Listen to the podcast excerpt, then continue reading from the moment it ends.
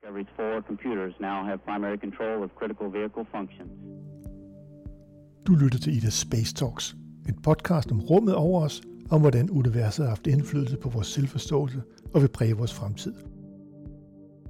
Ida Space Talks er udgivet af Ida, fagforening for teknologi, IT og naturvidenskab, i samarbejde med det faglige netværk Ida Space. Mit navn er Tino Tønnesen, og det er mig, der er vært på Ida Space Talks.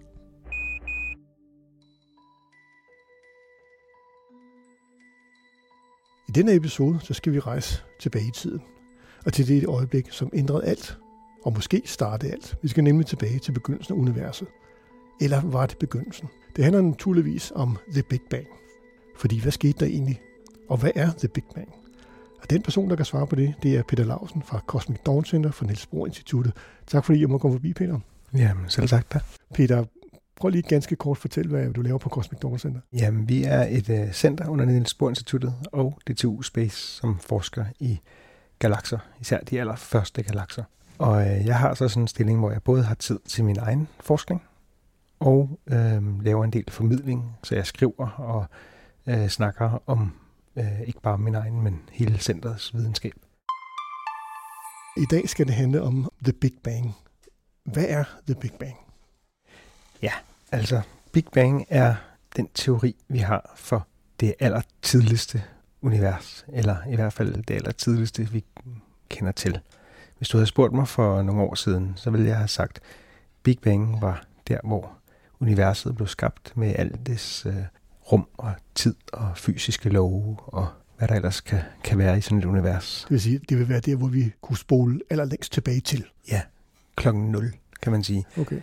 Nu er det i dag, hvor du spørger, og der vil jeg nok nærmere sige, vi ved ikke, om universet blev skabt der. Nej. Det er fuldt ud muligt, at det eksisterede før. Så lad mig, øh, ja, så lad mig øh, forklare, hvad det er, vi ved. Og det er en længere historie, som jeg vil prøve at gøre kort. Tidligere, for indtil for 100 år siden, der troede man, at universet var statisk på den måde, at det havde altid eksisteret, og det ville altid eksistere. Det var fuld af stjerner og galakser, hvor man begyndte at finde ud af, at, at øh, der var flere galakser end bare vores egen galakse. Men man troede, at altså selvom at de her stjerner og galakser bevægede sig rundt mellem hinanden, så var de ligesom i, i ligevægt. Og Einstein han beskrev universet matematisk med, eller Einstein og samtidige forskere, med, med det, der hedder Einsteins feltligninger, som er øh, det, der ligger til grund for den generelle relativitetsteori. Og øh, problemet var så med de her ligninger, at man kunne se, at de beskrev et, et ustabilt univers. Så ifølge matematikken, så burde universet kollapse eller eksplodere. Det ville være helt usandsynligt, at det ligesom kunne være i ligevægt. Mm. Øhm, og så var det så, øh, ikke så lang tid efter, det var så i slut 20'erne, eller ja, igennem 20'erne, der begyndte, begyndte man at måle øh, hastigheder af de her galakser. Så det vil sige, hvor de bevægede sig, hvilken retning, øh, eller hvilken hastighed de havde i forhold til os. Og der kunne man så se, at bortset fra de nærmeste, øh, der var nogle få, som bevægede sig hen imod os, så de fleste, de bevægede sig væk fra os. Og det var, det var en gut, der hed Vesto Schleifer, og så øh, ham, der nok er mest kendt, øh, Edwin Hubble, som målte øh, afstanden og hastigheder til galakserne.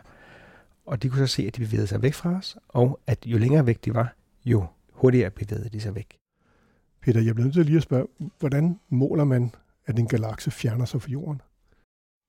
Jamen, det kan man måle med øh, spektroskopi. Det vil sige, at man øh, tager et, et billede af en galakse, men så sætter man en, i princippet en prisme ind, som spreder lyset ud efter, alt efter hvad for en bølgelængde det har. Altså, hvad for nogle farver det har. Og så kan man se efter bestemte elementer, så man ved, hvilken bølgelængde det burde have. Og så kan man måle, hvilken bølgelængde, hvilken, hvilken bølgelængde det rent faktisk har. Og der kan man så se, at hvis det, kan, det er forskudt, og jo hurtigere den bevæger sig, jo mere forskudt er det. Det er det, der hedder Doppler-effekten. Ja, okay. Som man også kender fra lyd, når en øh, ambulance kører hen mod en, så siger den en højere lyd, end når den kører væk fra en. Okay. Så på den måde kan man så måle hastighederne. Og der kunne de så se, at de bevægede sig væk fra os alle sammen, bortset fra de allernærmeste. Så det Hubble og Vestus Schleifer, og Hubble havde en assistent, der hed øh, Humason, som også øh, tog en masse af de her spektre. De målte simpelthen, at universet faktisk ikke var stationært eller stabilt. Det var i gang med at eksplodere eller udvide sig. Så man kunne så øh, ligesom spole tiden tilbage og så sige, at tidligere, der må alle galakserne have været endnu tættere på hinanden, og endnu tidligere må de have været rigtig tæt på hinanden.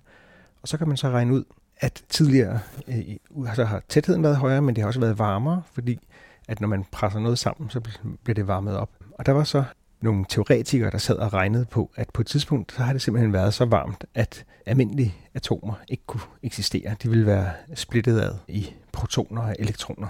Og de regnede så ud, at når vi så går frem i tiden, så har der altså været et tidspunkt, hvor det var så varmt, at der ikke fandtes atomer, og på et tidspunkt er det kølet nok af til, at der blev dannet atomer.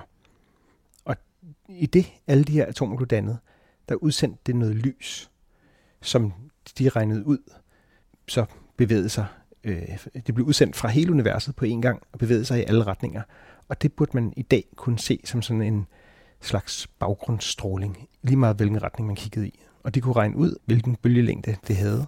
Samtidig så sad der så nogle gutter, som hed Wilson og Penzias.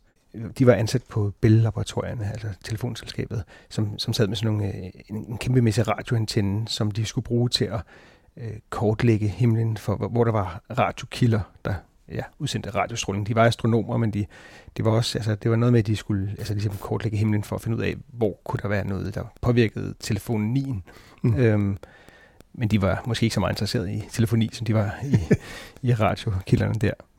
Det de målte, de kunne så måle, at i den retning eller i den anden retning, der var der en eller anden radiokilde, men de kunne så også måle, at lige meget hvor de pegede deres øh, radioantenne hen, så var der sådan noget baggrundsstøj, som de først troede var, fordi der var øh, nogle duer, der havde skidt op i antennen, så de rensede antennen, og de øh, kørte duerne ud i ørkenen, hvor de, så de, de kom tilbage igen, for det var sådan nogle øh, brevduer.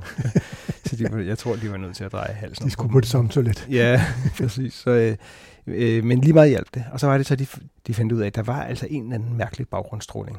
Og det skrev de en lille artikel om, og det så de der teoretikere, der havde regnet ud, at det var lige præcis det, de havde forudsagt teoretisk. Det var det, som de her to, øh, Wilson og Penzias, havde fundet, og det fik de Nobelprisen for.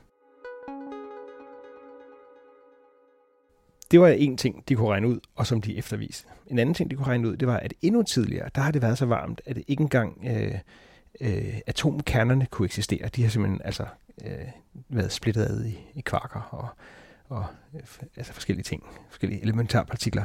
Ja. Og så kunne de så regne ud, altså, at der var et tidspunkt, hvor alle atomerne blev dannet. Og de kunne regne ud, at det letteste atom, brint, blev dannet, det næstletteste, helium, og så en ganske, ganske lille smule af noget lithium, som er nummer tre letteste, blev også dannet. Og derefter så er det så åbenbart blevet for koldt øh, til, at der kunne blive dannet flere atomer. Så de regnede ud, hvor meget der skulle være af alt. Og det kunne man så også eftervise, at det også passede. Så efterhånden så dannede der sig altså et overordnet billede af, at universet tidligere har været meget varmt og tæt, og på et tidspunkt så varmt og tæt, at vi faktisk ikke rigtig længere kan regne ud, hvad der sker. Øh, fysikkens lov bryder sammen. Og det er så der, man ja, øh, i starten har tænkt, det her selve rummet blev skabt. Man har simpelthen regnet tilbage, indtil man ikke kunne regne mere. Ja, og længere. Man skal jo ikke øh, sætte sit lys under en skæbe. Altså, vi, vi, vi er nogenlunde sikre på, hvad der skete indtil øh, helt tilbage til et pikosekund, altså en millionedel af et millionedel af et sekund. Okay. Øh, efter klokken 0, eller hvad vi nu skal kalde det. Ja. Fordi at derefter, der var øh, forholdene meget ekstreme, men de var ikke, alligevel ikke mere ekstreme, end at vi kan regne ud, eller vi kan eksperimentere med det i de her partikelacceleratorer. Hvad skete der i det pikosekund? Hvad er det for en verden? Er der en verden? Vi kan, vi kan i princippet godt starte lidt tidligere, fordi pikosekund cirka er grænsen for, altså, at efter et pikosekund, der kan vi faktisk godt genskabe de her forhold i partikelacceleratorer og vise, at teorierne passer før det, der har vi ikke noget eksperimentel øh, verifikation endnu. Det kommer forhåbentlig. Men, men det afholder os ikke for at, komme med vilde teorier om, hvad der skete. Og, og helt ned til klokken 0 øh, i princippet. Men, men det, det vi så er mindre sikre på, eller faktisk øh, er helt sikre på, at vi ikke ved noget om, det er, var der noget før klokken 0? Ja. Så jeg tror, man skal sige, at det var, Big Bang var ikke der, universet blev skabt. Det, det, det er det forkerte, øh, det forkerte måde at sige det på. Vi skal, vi skal hellere sige, at, at der var et første øjeblik. Ja. Øh, altså, det er ikke meningen at spørge, hvad forårsagede universet? Det vi kan sige, det er, vi kan spørge, er det plausibelt, at øh, der i fysikken, øh, altså at fysikkens love tillader, at et univers opstod? Ja. Og der er svaret ja. Men det betyder ikke, at det, at det var det, der skete. Øhm, måske opstod universet, måske havde det eksisteret. Men vi ved i hvert fald, at på et tidspunkt, der var det meget, meget, meget, meget, meget, meget tæt og varmt. Og øh, fuld af alle mulige eksotiske partikler. For så kan man regne ud, at når det er så så tæt og så så varmt, så eksisterer øh, masse og energi i den her form. Og når det er mindre tæt og mindre varmt, så går det over i en anden form.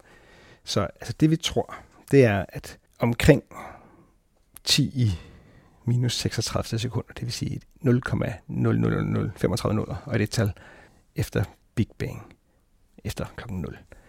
Der blev universet, der udvidede det sig med helt ekstrem hastighed, det man kalder inflation, hvor at, det blev pustet op fra at være helt ekstremt lille til at være lidt større. Og den del af universet, som vi kan se, det kalder vi det observerbare univers.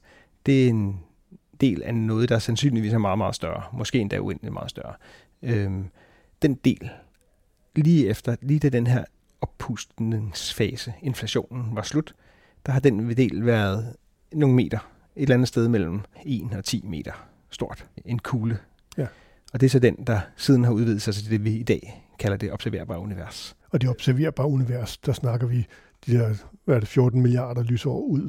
Altså, ja, i princippet. Altså, fordi det observerbare univers er den del af universet, hvorfra lys har haft tid til at nå os. Ja. Og universet er små 14 milliarder år gammel. Så i princippet, ja, bortset fra, at universet udvider sig jo.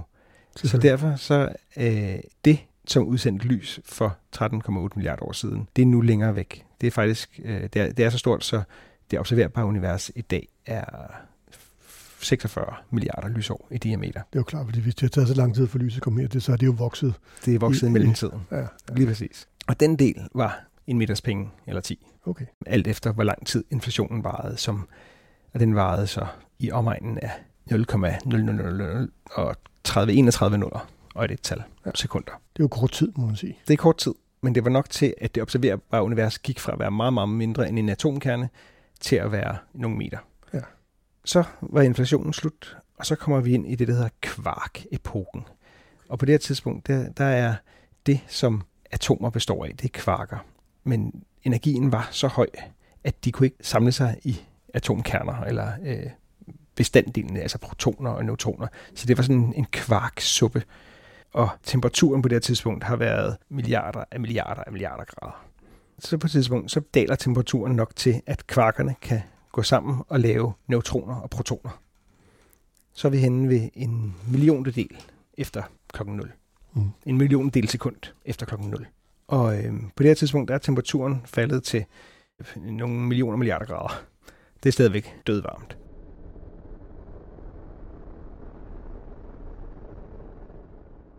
Det kan være, at jeg lige skal sige, jeg tror, man bruger terminologien Big Bang på to forskellige måder. Ja. Enten som klokken 0, og så snakker vi om det, der gik, der skete efter Big Bang. Eller, og det er nok sådan, jeg plejer at bruge det egentlig, det første kvarters tid efter Big Bang, fordi det er der al actionen sker. Så Big Bang er det første kvarter. Ja, eller 20 minutter. Og det forklarer jeg om lidt, hvorfor lige præcis. Øh, Okay, den er vigtig Ja. for mig. Ja. så vi er i Big Bang nu. Så en milliondedel sekund efter Big Bang, der var der 10 millioner milliarder grader, og øh, vores observerbare univers er nu vokset til at være nogenlunde på størrelse med dagens øh, solsystem. Så det går stærkt nu. Efter 3 minutter, så er temperaturen faldet nok til, at nogle af de her protoner og neutroner, de kan klistre sammen og danne, altså når, hvis du bare har én proton, så er det faktisk det samme som brint. Mm. Men hvis du sætter to protoner og to neutroner sammen, så har du helium. Og indtil tre minutter efter klokken 0, der, der var det for varmt til det kunne gøre det. Okay. Altså hvis de prøvede, så kom der et eller andet støt ind i dem, så de blev splittet ad igen. Ja. Men efter tre minutter, så var temperaturen faldet nok til, at de kunne klistre sammen, og så danne helium og den her øh, lille bitte smule øh, lithium. Og, og så var der i princippet de, ret, de rette forhold til at begynde at danne tungere og tungere grundstoffer. Så i princippet kunne man danne kulstof og nitrogen og oxygen og alt det her. Men temperaturen falder, og universet udvider sig, så der bliver længere og længere mellem partiklerne, så de, bliver, øh, de møder ikke hinanden så ofte, Og til sidst, de skal nemlig have en vis energi for at støde sammen. Ja. Protoner, de frastøder hinanden, fordi de er positive. Så de skal have noget energi, men ikke for meget. Mm.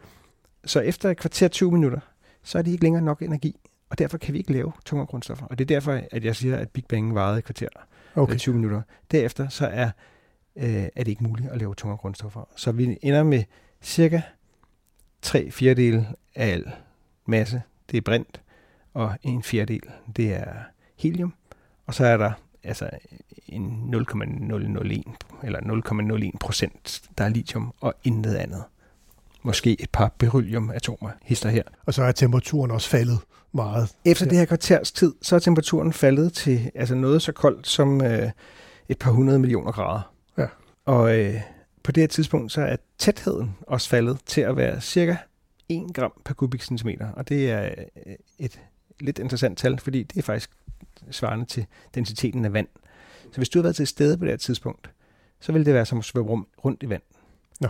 Hvis du har været til stede øh, 10 minutter før, så vil du være blevet mast, og senere så bliver det så mere og mere øh, tyndt, kan man sige. Ikke? Jo, jo. Men så sker der ikke så meget mere, fordi nu, altså nu har vi bare et meget varmt øh, univers, der bliver ved med at udvide sig, og, altså at køle af simpelthen. Så nu, og nu har vi atomer. Det meste af det er brint, så tre fjerdedel af det var brint. Tre fjerdedel af massen. Mm. Brintatomer vejer jo øh, mindre end heliumatomer, så hvis man ser på antallet af atomer, så er det sådan cirka 9 ud af 10 atomer, det er brint. Jo. Men de har ikke, altså atomer har jo også elektroner, der bevæger sig rundt om dem. Men det er det for varmt til stadigvæk. De bliver revet af. Hvis der er en elektron, der prøver at sætte sig sammen med en proton, så banker den ind i et eller andet lys Mm. mest, øh, som slår det af igen. Så vi har, øh, det er skilt ad i protoner og elektroner, og det vil sige, det er, man kalder det ioniseret. Det er mm. elektrisk ladet i virkeligheden. Og så udvider det sig, køler af, udvider, køler af, og er utrolig jævnt fordelt. Altså der, det er en helt eminent smooth suppe af primært brint, Okay. som køler af.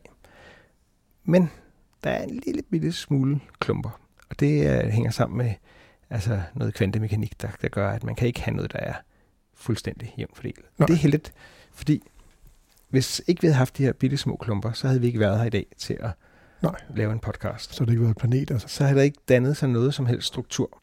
Vi har så det her lys, som jeg sagde, at de her øh, radioastronomer, øh, de, de fandt. Man kalder det den kosmiske mikrobølgebaggrundsstråling. Det er det, de målte, det var, det var fuldstændig præcis samme øh, energifordeling af lyset i alle retninger. Så i 90'erne, der sendte man en satellit op, som viste, som var, øh, som var meget bedre til at måle det, og den kunne så se, at det var faktisk en lille bitte, bitte smule forskelligt, hvis man kigger forskellige steder på himlen. Der var små fluktuationer, altså ujævnheder i Jo. strålingen, men det var helt nede på en 100.000 del af 1 til 100.000. Altså man måler, øh, når vi mål, snakker om den her stråling, så, så snakker vi faktisk om temperaturen af strålingen. Og det er fordi, at det svarer til noget, der har en temperatur, udsætter stråling. Så det er en stråling, der svarer til noget, der har en temperatur på knap 3 grader over det absolutte nulpunkt, så meget koldt. Ja. Men der var så en 100.000 del grads forskel, hvis man kigger øh, der, eller hvis man kigger lige en, en enkelt grad til venstre for, eller til højre for. Så de her ganske fine klumper, og man har så senere sendt satellitter op, som kunne måle det endnu mere nøjagtigt. De kunne altså øh, vise, at det tidlige univers, det var ikke helt jævnt. Og det er øh, så heldigt, fordi det, det, det skyldes altså, at, øh, at tætheden var en lille smule ujævn der. Og på det tidspunkt, der udvidede universet sig meget hurtigt, og der kom længere og længere mellem alt. Men klumperne, de, de steder, hvor tætheden var lidt højere, der kunne klumperne ligesom overvinde udvidelsen, og tyngdekraften kunne få det her til at klumpe endnu mere sammen. Så der sat sådan et øh, race ind mellem udvidelsen, som ligesom, det stammer fra den her tidlige, tidlige inflation, der sparkede alt væk fra hinanden, og tyngdekraften, som prøver at bremse udvidelsen op. Og øhm, tyngdekraften har så ikke kunnet bremse hele universets udvidelse op, men, men lokalt, der har det kunnet bremse det op de steder, hvor der var øh, lidt ekstra tæthed. Jo. Og det er det, der så er vokset til øh, strukturen, vi ser i dag. Det vil sige galaksehobe og galakser og stjerner og planeter og, Og os. og os. Ja.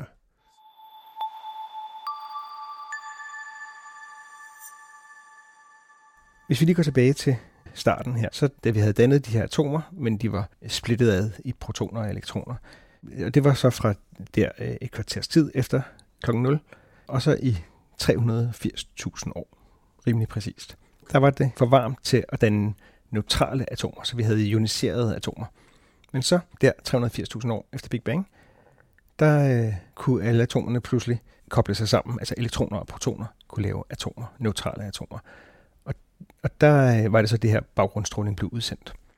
Og når du siger 380.000 år, og du siger det så præcist, Ja. så kan du forklare mig, hvordan kan man sige det så præcist? Jamen det er fordi, man, vi, vi ved at, at observere udvidelseshastighed og ved at observere øh, temperatur og, og sådan noget, så kan vi regne ud de fysiske forhold.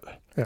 Helt tilbage til det her, øh, ja, til klokken 0 i princippet. Ja. Og vi kan øh, teste det. Vi kan, øh, Hvor altså, hurtigt falder temperaturen til den Ja. temperaturen er nu? Præcis, og vi kan, altså, vi kan også måle, altså vi kan lave, observere galakser. Vi, når vi kigger ud i universet, så kigger vi jo tilbage i tiden. Jo. Så vi, der, der kan vi måle temperaturen for en milliard år siden, og for 10 milliarder år siden, og 12 milliarder og 13 milliarder osv. Jo. Og det, det passer med, altså, med vores øh, teori om, hvordan temperaturen var. Så vi ved meget præcist, hvordan universets gennemsnitlige temperatur er dalet fra milliarder af grader til næsten 0 i dag. Og når vi kender temperaturen, så kan man med noget atomfysik regne ud, hvor koldt skal det være, før at atomerne kan blive dannet. Ja. Og det var så 300, og- altså det, det, det skete ikke instantly, men øhm, hen over en periode på 100.000 år. Så sådan, Jo. det startede måske 200.000 år efter Big Bang, og det var, øh, der var det helt ioniseret. Og 400.000 år efter Big Bang, der var det helt neutralt. Okay. Og øh, på det her tidspunkt, der var alting jo så altså næsten jævnt fordelt, ind, ind, altså i, indtil en 100.000 del af øh, tættere end et andet sted. Altså, så så det, var, det var meget, meget smooth. Og øh, så begyndte de her klumper ligesom at vokse i, øh, altså, så de blev tættere og tættere. Og så kan man så også regne ud teoretisk, på et eller andet tidspunkt, så alt efter hvor store klumperne er, så begynder de at være så tætte, at de overvinder universets udvidelse og begynder at kollapse Ja. og danne struktur. Og der kan man også regne ud teoretisk, øh, hvor mange store klumper, hvor mange små klumper, og dermed hvor mange store galakser og små galakser skal der være. Det er noget, vi kan måle og se. Mm. Det passer også med teorien. Så der er, der er en, en del, altså det her med, hvor mange forskellige, altså hvad er fordelingen af øh, atomer, brint, helium, lithium osv. Jo. i universet. Det her med øh, mikrobølgebaggrundsstrålingen. Det her med øh, storskalastrukturen, altså fordelingen af øh, små galakser, store galakser, stjerner og sådan nogle ting. Nogle ting, der sådan er meget uafhængige af hinanden, men som alligevel passer rigtig godt ind i den her teori. Så I kan sige, hvor mange galakser der er i universet. Hvor mange partikler der er i universet. Ja, og, og, og fordelingen af dem og sådan nogle ting. Okay. Og fordi der er alle de her ting, der passer rigtig godt ind i, så er det en, en teori, som langt de fleste tror på. Der er stadigvæk mange ting, vi ikke ved, og som ikke passer ind, men det, det er helt klart, altså, at i fysik kan man jo aldrig bevise noget. Nej. Øh, Det kan man kun i matematik. Men, men der er nogle ting, som man er så sikker på, at, at det øh, ikke giver mening at betvivle. Og vi, det giver ikke mening at betvivle, at universet var tættere og varmere i fortiden, og at det på et tidspunkt var så tæt og varmt, at, at, øh, at der ikke har eksisteret neutrale atomer osv. Nej. Men hvad der skete præcis ved Big Bang, altså klokken 0, og om der var noget før, det ved vi altså ikke. Nej. Jeg vil ikke sige, at vi er på bar bund, fordi Nej. der findes mange hypoteser. Øh, altså der findes altså mange sådan, familier af modeller. Jo. Øh, enten at det har eksisteret uendelig lang tid før, og så bare på et tidspunkt, så begyndte det pludselig at udvide sig. Ja. Det kan også være, at der var et helt univers, der kollapsede, og så udvidede sig igen. Ja. Eller det kan være sådan en cyklus af, af altså universet udvider sig lige nu en dag, så kan det, kunne det i princippet ja, samles igen i sådan et big crunch, og så kan man begynde forfra, eventuelt med Ja. nogle lidt andre fysiske love, eller øh, naturkonstanter og sådan nogle ting. Jo. Det, det er muligt. Det kan også være, at vi har et, et univers, som øh, føder nye mini-universer, Jo. som, som sådan gennem tiden vokser ud og popper op. Det, der findes mange af de her øh, eksotiske teorier, og, og vi, Jo. vi ved ikke, øh, hvad der er sandt. Og altså nu, det, det, vi er lidt, eller lidt, vi er meget, vi er helt væk uden for mit domæne. Vi er ude for de fleste domæne. Det tror jeg. Ja. Øhm, men der, altså, der findes også øh, flere af de her Altså en hypotese er jo i virkeligheden ikke rigtig interessant, hvis ikke der findes en måde at teste det på. Nej. Fordi så bliver det metafysik. Ja, det er jo måske tavligt at sige, at det ikke er interessant, men øh, inden for videnskab, der skal vi, der giver det ikke mening at, at fremføre altså, en hypotese, uden at der er en måde at teste den på. For ellers så, så kan man sige hvad som helst, kan man sige. Øhm, og nogle af de her hypoteser, mig bekendt, er det ikke alle dem, der har øh, en måde at teste dem på. Men, men altså det, det er selvfølgelig det, noget, man arbejder på. Altså hvis man er en seriøs fysiker, det er at finde ud af, hvad kan vi, hvordan kan vi verificere? Altså bevise kan vi ikke, men vi kan verificere teorien og blive sikre på den. Jo, jo. Men man kan sige, hvis de fysiske forhold de vil være så anderledes før klokken 0, at det vil være svært at bruge den måde, vi forstår matematik og fysik på. Jo, det man kunne håbe, det var at teoretisk regne sig frem til, at hvis, det, hvis en af de her hypoteser virkelig var sand, så burde det give anledning til, I don't know, en eller anden form for fordeling af nogle bestemte partikler, som man kan gå ud og måle, eller øh, at temperaturen burde i virkeligheden være ikke præcis sådan, som vi måler den, men at der, der var lidt, ekstra, lidt mere varmere ved en bestemt øh, bølgelængde, og så kan det være, at hvis man har fine nok instrumenter, kan man måle det, eller et eller andet. Sådan, altså, så ideen er at håbe på, at der er et eller andet ved ens teori eller hypotese, som giver anledning til noget, der kan måles.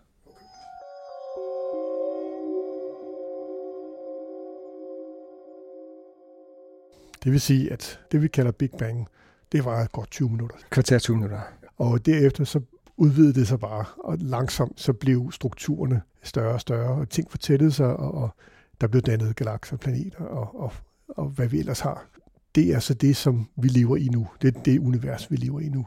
Ja. Men det er svært at sige noget før Big Bang, selvfølgelig. Det er meget svært. Især for mig, men, men også for andre.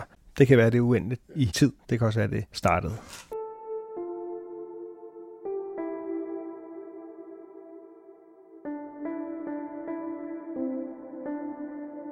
Når nu vi ved, at universet udvider sig, og vi ved, hvor hurtigt det udvider sig, er der et bestemt punkt, vi kan pege på i universet, hvor vi kan sige, at det var der, det hele startede, altså der, hvor ting udvider sig fra, altså Big Bangs centrum. Det er et rigtig godt spørgsmål, som jeg tit får, og svaret er nej. Universet har ikke et centrum. Man skal ikke tænke på Big Bang som et punkt i rummet, hvorfra alting blev spredt ud. Så det var ikke en, altså, en, ligesom en eksplosion af en granat. Altså, universet ligger ikke i et rum. Universet er selve rummet, og det udvider sig i sig selv, så at sige. Det er, det, det er svært at få hovedet rundt om, fordi... At, øh, Enormt abstrakt. Ja, ja og, og universet er, er tredimensionalt jo. Øhm, så det bedste, jeg kan gøre, det er at give en todimensional analogi, som øh, jeg kan godt lide at bruge en ballon. Så hvis du forestiller dig overfladen på ballon, den er jo todimensional. Men den har ikke et centrum. Altså lidt ligesom, at øh, verden, altså vores verden, vi lever i, har heller ikke et centrum. Selvom vi nogle gange synes, at Danmark er verdens centrum, så giver det lige så meget mening for en øh, kongoleser at sige, at Kongo er verdens centrum. Der er ikke et, et centrum på overfladen, på den her todimensionale overflade. Og hvis du har en ballon, så øh, lad os forestille os, der kravler myrer rundt på overfladen. Så vil hver myre med rette kunne sige, jeg sidder på overfladens centrum og ser alle de andre myrer når jeg så puster ballonen op, så bliver der jo længere mellem alle myrerne. Ja. Myrerne vil, vil, alle myrerne kan sige, jeg sidder i centrum, og det er alle de andre bevæger sig væk fra mig. Men det rigtige er, der er ikke nogen, altså, eller man kan sige alle er centrum, man kan også sige, ingen af dem er centrum. Ja. Øhm, og på samme måde, så har universet heller ikke et centrum. Det er bare lidt sværere, fordi det er jo tre, det er tredimensionalt. Ja. Og det er ikke sådan, at man skal forestille sig, at det udvider sig i en fjerde dimension. Det, det, det udvider sig i sig selv, og det ja, det, det, så, så det man skal tænke, det er, det kan godt være, det, det giver ikke rigtig mening det her med, at noget kan udvide sig i sig selv, men så det man kan sige, det er, der bliver længere og længere mellem alt. Ja.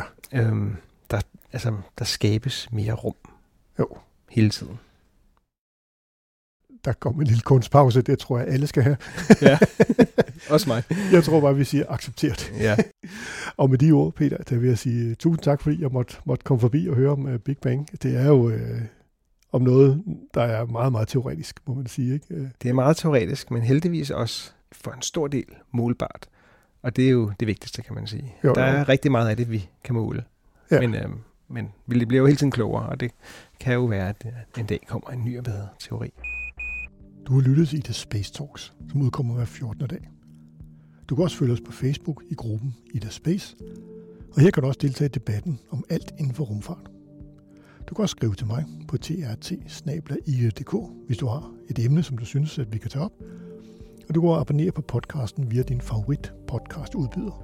Ida Space Talks er en af flere podcasts, der udgives af Ida, Fagforeningen for Teknologi, IT og Naturvidenskab. Og du finder alle Idas podcast på ida.dk-podcast. Mit navn er Tino Tønnesen.